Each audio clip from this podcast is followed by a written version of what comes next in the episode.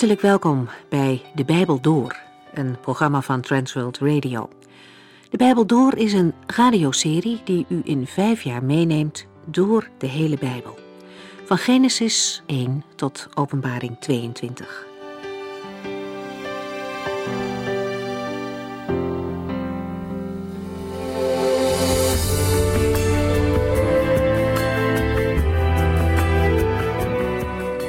We zijn toe aan de laatste verse van de brief aan de Efeziërs. Deze brief eindigt met een gedeelte over de geestelijke strijd en de manier waarop gelovigen daarin overeind kunnen blijven. Zo reëel als het bestaan van God en engelenmachten is, zo reëel zijn ook de boze machten. Onder aanvoering van de duivel zijn zij erop uit om gelovigen klem te zetten. Maar het is echter niet nodig. In de kracht van God kunnen gelovigen stand houden als de boze aanvalt. Staan en stand houden zijn de kernwoorden uit dit gedeelte over de geestelijke strijd. Bij zijn beschrijving van de wapenrusting heeft Paulus een Romeinse soldaat voor ogen. En bij dat beeld voegt hij een aantal beelden uit het Oude Testament, waaronder verwijzingen naar de wapenrusting van God uit Jesaja 59. Het eerste wapen dat genoemd wordt is de gordel van de waarheid. Die gordel houdt de kleren bij elkaar. Waarheid is een wezenskenmerk van God zelf. Hij vraagt van zijn kinderen niet minder dan een leven in waarheid. Waarheid in wat we onderling zeggen en vasthouden aan de waarheid van het evangelie. En elke leugen is als het ware een scheurtje in die gordel. Soms kan een klein scheurtje ongemerkt groter worden. En het is ontzettend belangrijk om die kleine scheurtjes te repareren en niet te laten zitten totdat de riem in twee stukken ligt. De lange gewaden die mensen in het oosten dragen, worden bij elkaar gehouden door een gordel. En zonder die riem struikelen en vallen mensen. En in geestelijk opzicht is dat net zo. Waarheid houdt mensen overeind. Het tweede onderdeel is het borstpanzer van de rechtvaardigheid. Christenen zijn vrij van zonde. We hebben geen strafblad meer bij God. En elke pijl van twijfel die de boze probeert te zaaien in ons leven, ketst af op dit sterke panzer. Als derde hebben we de vorige keer nagedacht over de schoenen. Die spreken van de bereidheid om het evangelie bekend te maken. Het is belangrijk om schoenen goed vast te maken, zodat we ze onderweg niet verliezen. En Corveda gaat nu verder over de andere onderdelen van de geestelijke wapenrusting.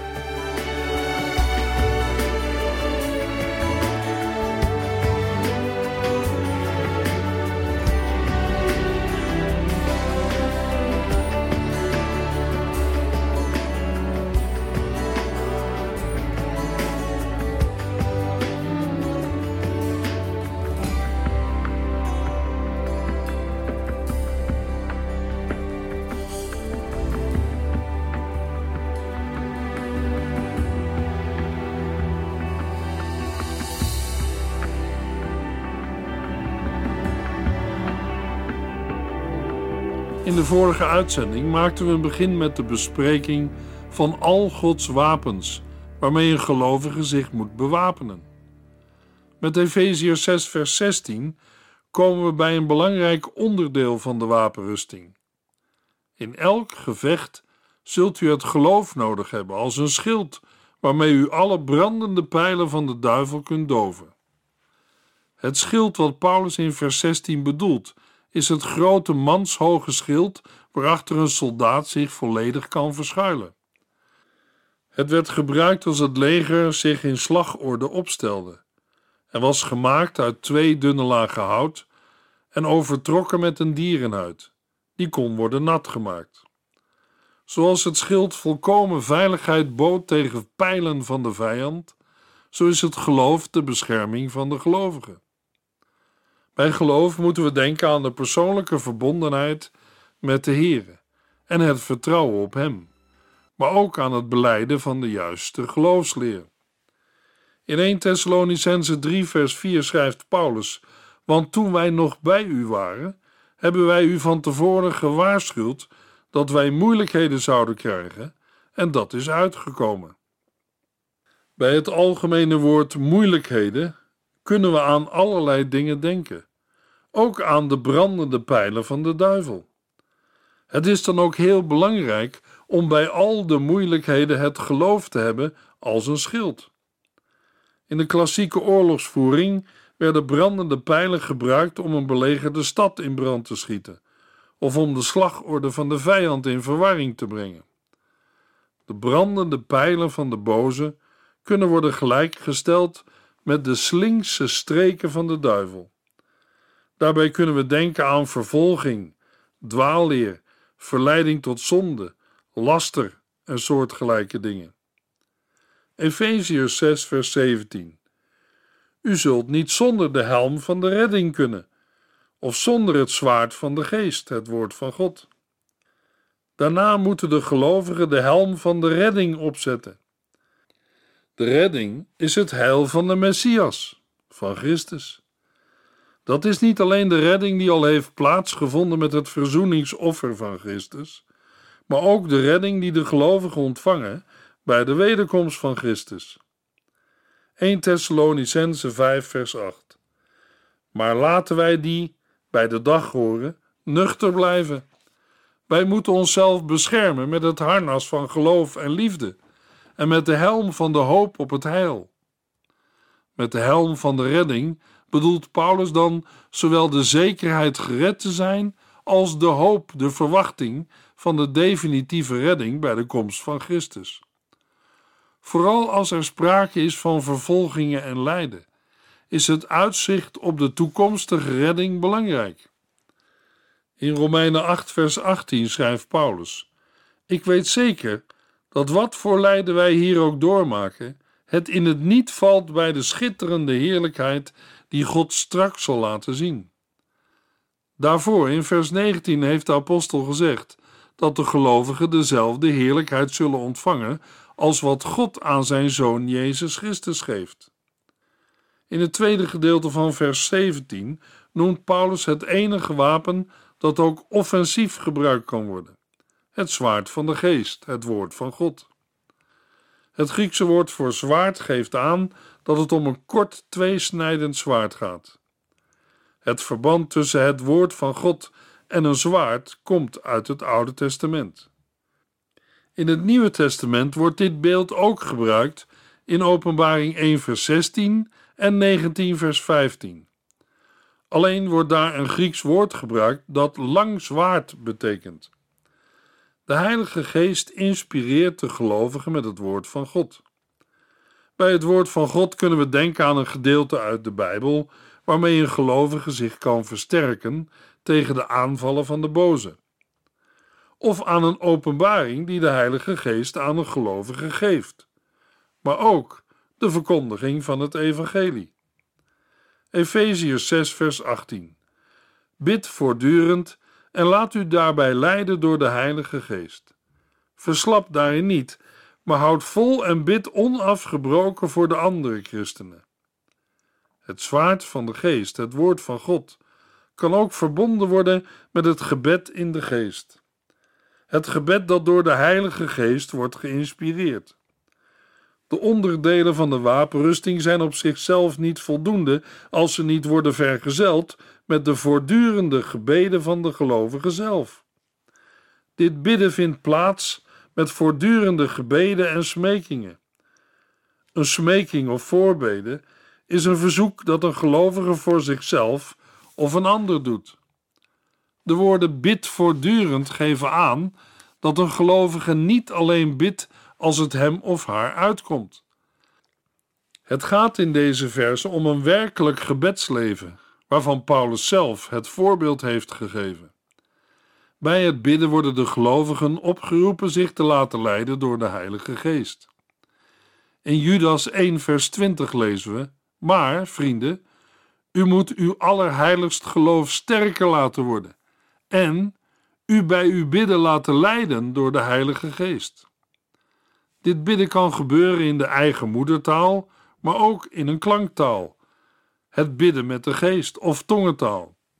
Speciaal gericht op dit gebedsleven moeten de gelovigen waakzaam zijn en niet verslappen. Paulus kan deze woorden figuurlijk hebben bedoeld met de betekenis oplettend zijn, of in de letterlijke betekenis dat men een deel van de nacht wakend doorbrengt om te bidden. De aanmoediging houdt vol en bidt onafgebroken voor de andere christenen, lijkt op het laatste te wijzen. Het gebed is in het leven van een christen een onderdeel dat bij elk onderdeel van de wapenrusting moet worden gehanteerd. Het is als het ware het handvat of de greep waarmee je alle andere uitrustingstukken vastpakt en gebruikt.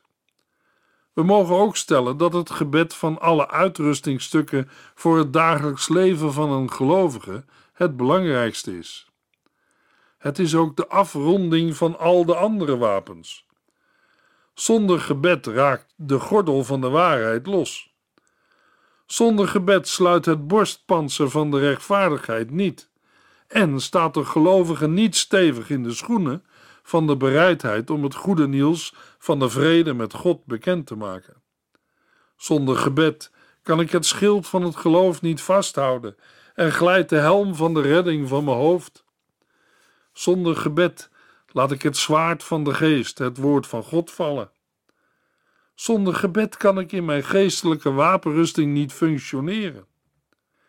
Tijdens een vakantie kan het je overkomen dat je voor onderweg van alles hebt meegenomen: soep in blik, borden, blikopener, gasbrander, lucifers enzovoort. Het is mooi weer en iedereen heeft er zin in. Maar dan komt de domper. Bij de rustplaats blijkt dat je de pan waarin de soep warm gemaakt moest worden, bent vergeten. Je dacht dat je alles bij had, maar vergat het voornaamste. Laten we bij Gods wapens de aansporing uit Efeziërs 6, vers 18 niet vergeten. Bid voortdurend en laat u daarbij leiden door de Heilige Geest. Verslap daarin niet, maar houd vol en bid onafgebroken voor de andere christenen. Hoe staat het met uw en jouw gebedsleven?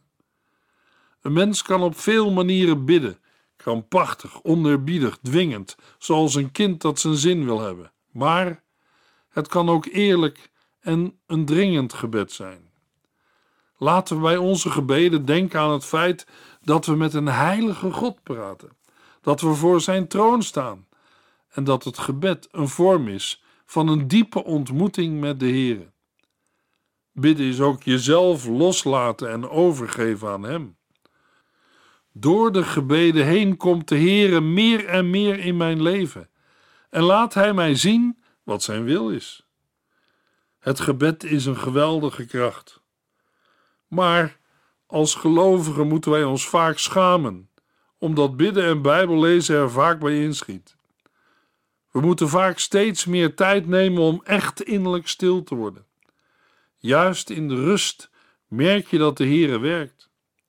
Zijn wij, ik bedoel het niet onerbiedig, met ons gebed vaak niet geestelijk aan het belletje trekken? Of zo gehaast en druk dat we onze dingen wel hebben gezegd, maar niet hebben geluisterd naar de Heere? Wij beseffen vaak helemaal niet wat overgeven, uit handen geven inhoudt. Een van de eerste spreeksters in de Nederlandse uitzendingen van TWR Nederland was Corrie ten Boom. In een van haar boekjes schrijft zij over het gebed: Elke avond ga ik met mijn koffertje met vragen naar de Heer. En ik haal ze er één voor één uit en leg ze voor zijn voeten neer. En als ik dan mijn koffertje leeg heb, wat doe ik dan? Ik pak vlug alles op en stop het weer in mijn koffertje en ga dan weer weg. En het koffertje is nog even zwaar als toen ik kwam. Ik liet mijn zorgen niet bij de Heer, nee, ik nam ze weer mee terug. Lijken wij op Corrie de Boom? Het gebed kun je vergelijken met geestelijk ademhalen.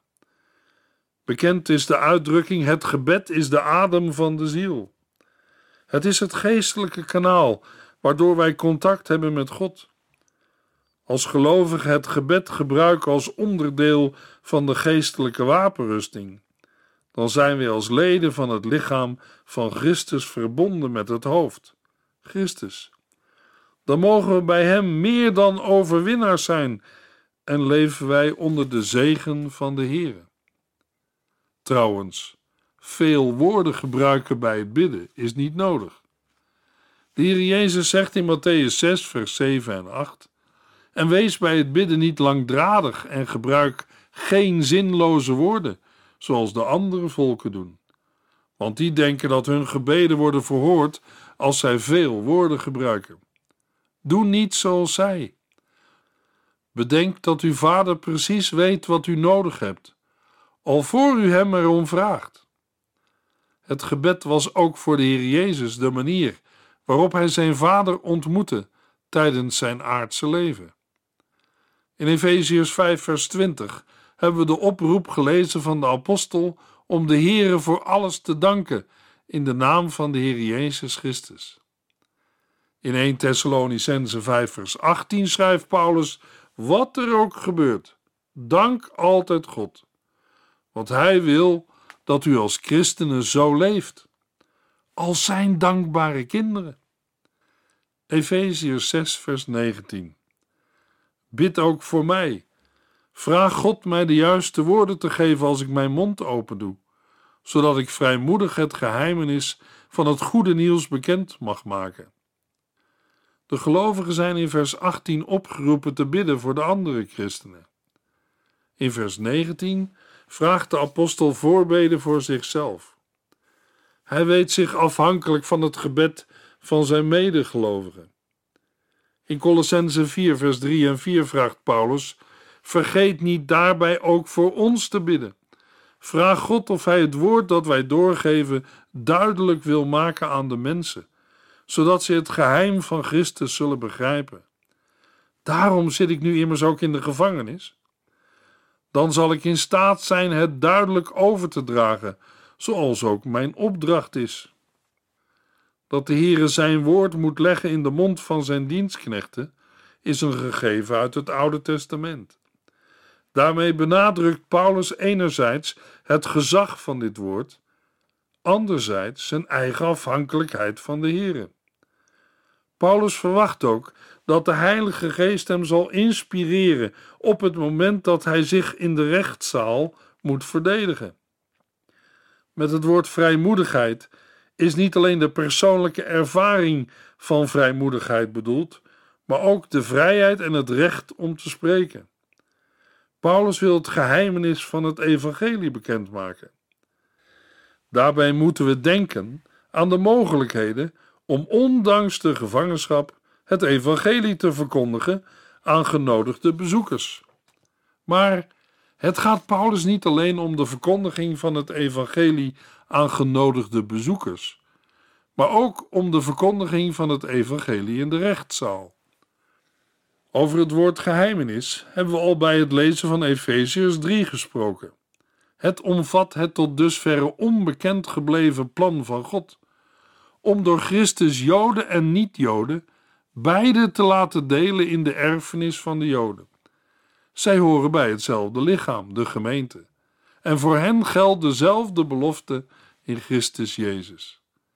Daarom is het evangelie de inhoud van dit geheimenis. Efeziërs 6 vers 20 Als gezant van de Here zit ik hier vast in de gevangenis. Bid daarom dat ik onbevreesd zal zeggen wat ik zeggen moet. Terwille van de verkondiging van het evangelie is Paulus een gezant in de gevangenis. Het woord gezant zijn houdt in dat het om een eervolle taak gaat. Paulus is ambassadeur van Jezus Christus, de koning der koningen. In tegenstelling daarmee zit Paulus in de gevangenis, het symbool van oneer en schande ondanks de vrijheid om brieven te versturen en bezoekers te ontvangen, is de apostel vermoedelijk vastgeketend aan een Romeinse soldaat die hem bewaakte. Paulus bidt om vrijmoedigheid. Hij wil onbevreesd zeggen wat hij zeggen moet. Daarbij gaat het om een moeten van Gods wegen. Paulus moet lijden omwille van Christus. Ook moet hij in Rome voor de keizerlijke rechtbank verschijnen en ook daar moet de apostel het evangelie verkondigen. Het valt op bij de voorbeden die Paulus vraagt voor zichzelf, er niets te bespeuren valt over zijn persoonlijke lijden met betrekking tot de doorn in zijn vlees of lichaam. De apostel vraagt niet om gebed dat deze lichamelijke handicap mag worden verwijderd. Hij vraagt voorbeden opdat hij onbevreesd zal zeggen wat hij zeggen moet. Hij wil moedig het geheimenis van het evangelie bekendmaken aan het hof van de keizer. Efeziërs 6 vers 21 Tychicus, een dierbare broeder en een trouwe hulp in het werk van de Heere, zal u precies vertellen hoe het met mij gaat. De brief wordt besloten met enkele korte mededelingen van persoonlijke aard. Tychicus zal de brief meenemen en mondeling toelichten hoe het met Paulus in gevangenschap gaat. Tychicus was een medewerker van Paulus en afkomstig uit Azië. Hij bracht waarschijnlijk tegelijk met de brief aan de Efeziërs ook die aan de Colossense naar Colosse. Wanneer, zoals we aannemen, de brief aan de Efeziërs oorspronkelijk een algemene rondzendbrief voor de christelijke gemeente in Azië was, dan heeft Tychicus deze vele malen voorgelezen. Tychicus wordt door Paulus omschreven als een dierbare broeder en trouwe hulp in het werk van de Heer. Er is sprake van een diepe verbondenheid tussen hem en Paulus. Tychicus is een broeder en een trouwe hulp van Paulus, maar zijn dienstbetoon is in de Heer. Dat wil zeggen, het vloeit voort uit de band met en het dienen van de Heer Jezus Christus. Trouwens, ook Paulus ziet zichzelf als een dienaar van het evangelie. Efeziërs 6, vers 22. Daarom stuur ik hem naar u toe, om u te laten weten hoe het met ons is, om u daarmee te bemoedigen. Juist daarom heeft Paulus Tychicus gezonden, opdat hij de gelovigen zal vertellen hoe het er met Paulus voorstaat. In de brief aan de Filippenzen vertelt Paulus wel meer over zijn gevangenschap. In Filippenzen 1, vers 12 tot en met 14 schrijft hij: Het volgende wil ik u graag laten weten, beste vrienden. Alles wat mij hier is overkomen, heeft ertoe bijgedragen dat het goede nieuws over Jezus Christus beter bekend werd. Allen hier, ook de soldaten, weten dat ik vanwege mijn geloof in Christus gevangen zit. En door mijn gevangenschap lijken vele christenen hier hun vrees voor de boeien te hebben overwonnen. Op de een of andere manier heeft mijn geduld hen bemoedigd, met als gevolg dat zij steeds vrijmoediger spreken over Jezus Christus. In de brief aan de Efeziërs geeft de apostel aan dat Tychicus de Efeziërs mondeling zal bijpraten. De reden daarvoor is ons niet bekend. Maar misschien was Paulus bang dat schriftelijke informatie door zijn tegenstanders in Azië kon worden misbruikt. Een ander argument dat Paulus aanvoert is dat Tychicus de gelovigen in Efeze met de informatie over Paulus kan bemoedigen.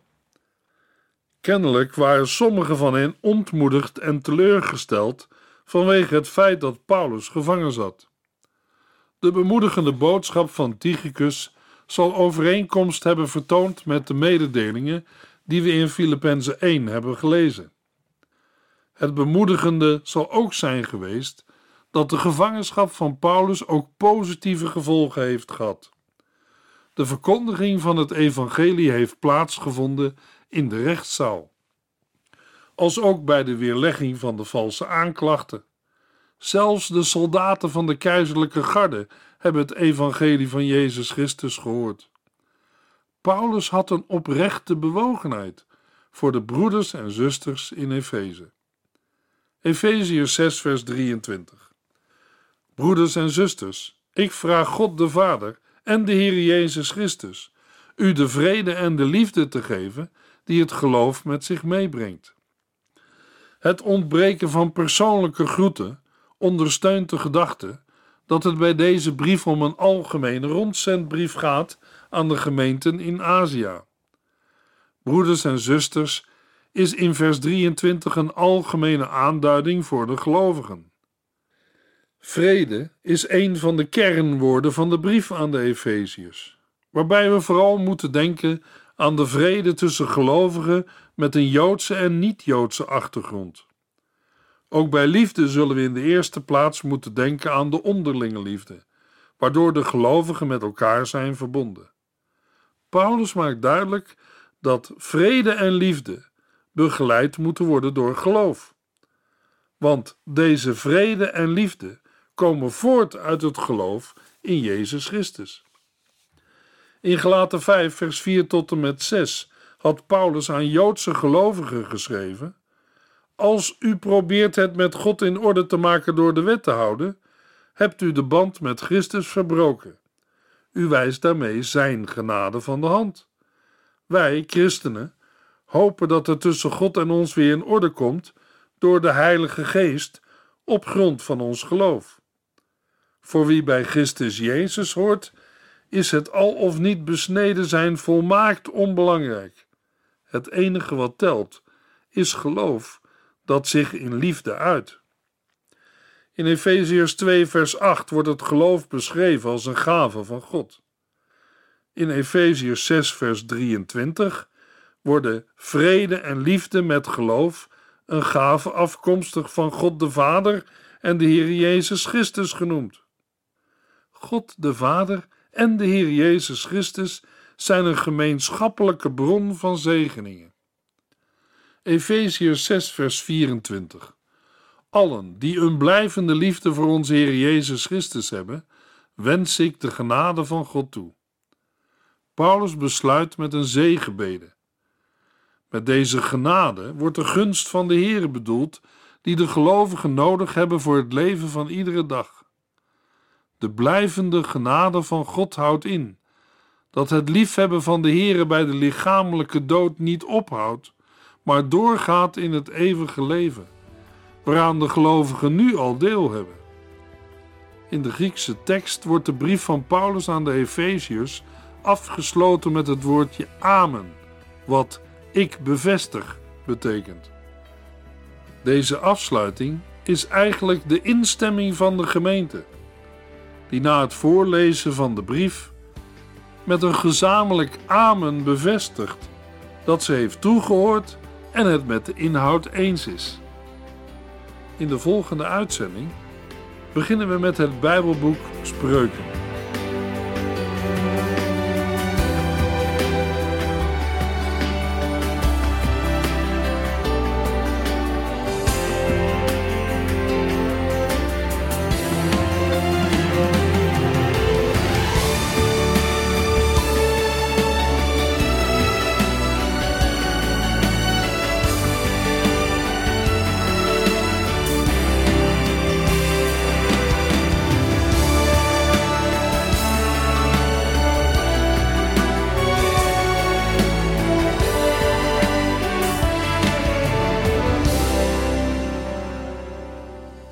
Geluisterd naar De Bijbel Door.